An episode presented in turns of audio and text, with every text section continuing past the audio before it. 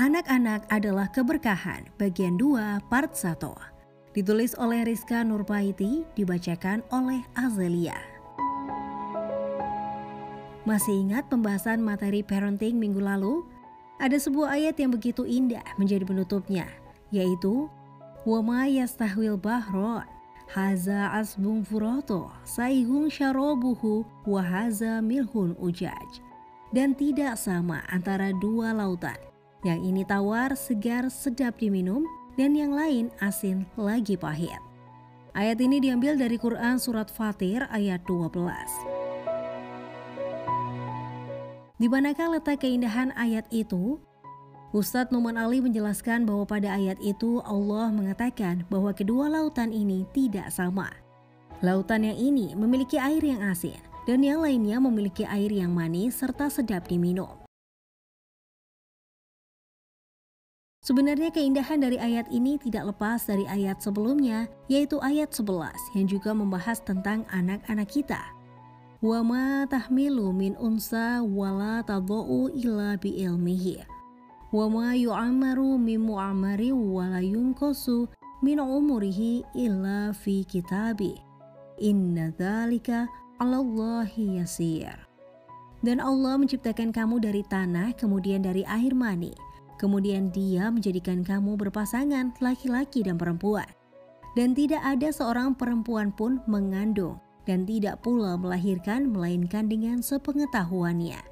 Dan sekali-kali tidak dipanjangkan umur seorang yang berumur panjang dan tidak pula dikurangi umurnya, melainkan sudah ditetapkan dalam lauhul mahfudz. Sesungguhnya yang demikian itu bagi Allah adalah mudah. Tepat setelah Allah membicarakan mengenai anak-anak kita, Allah mengatakan bahwa lautan memiliki air yang berbeda. Jadi mengapa Allah menyinggung tentang perbedaan air laut? Maknanya adalah bahwa setiap anak tidaklah sama. Mereka unik dan berbeda. Sama halnya seperti air laut.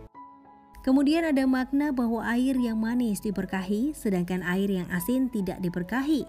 Apakah maksudnya? Rupanya masih di ayat yang sama, yaitu ayat 12, Allah menjelaskan tentang hal itu. Wa min kullin ta'kuluna lahman tariya wa tastakhrijuna hilyatan talbasunaha. Wa tarafuka fihi mawakhira litabtaghu min fadlihi wa la'allakum tashkurun. Dan dari masing-masing lautan itu kamu dapat memakan daging yang segar. Dan kamu dapat mengeluarkan perhiasan yang kamu pakai.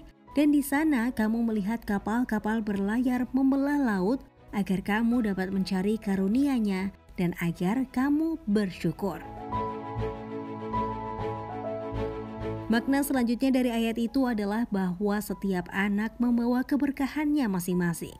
Sifatnya saling melengkapi satu sama lain.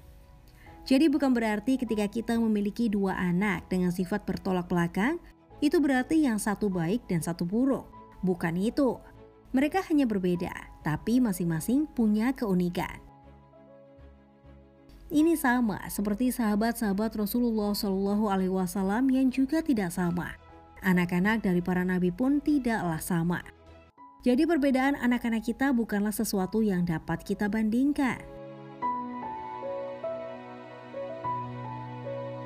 Lalu, apa tugas orang tua? Tentu menghargai keberagaman dan perbedaan anak-anak, sebab setiap dari mereka adalah keberkahan. Tentu bukan hanya itu saja.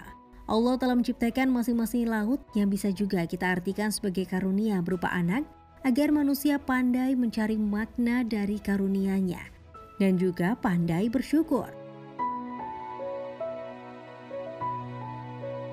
Dari kedua lautan itu tersingkap keagungan Allah dan kesempurnaan kenikmatannya bagi manusia. Masya Allah.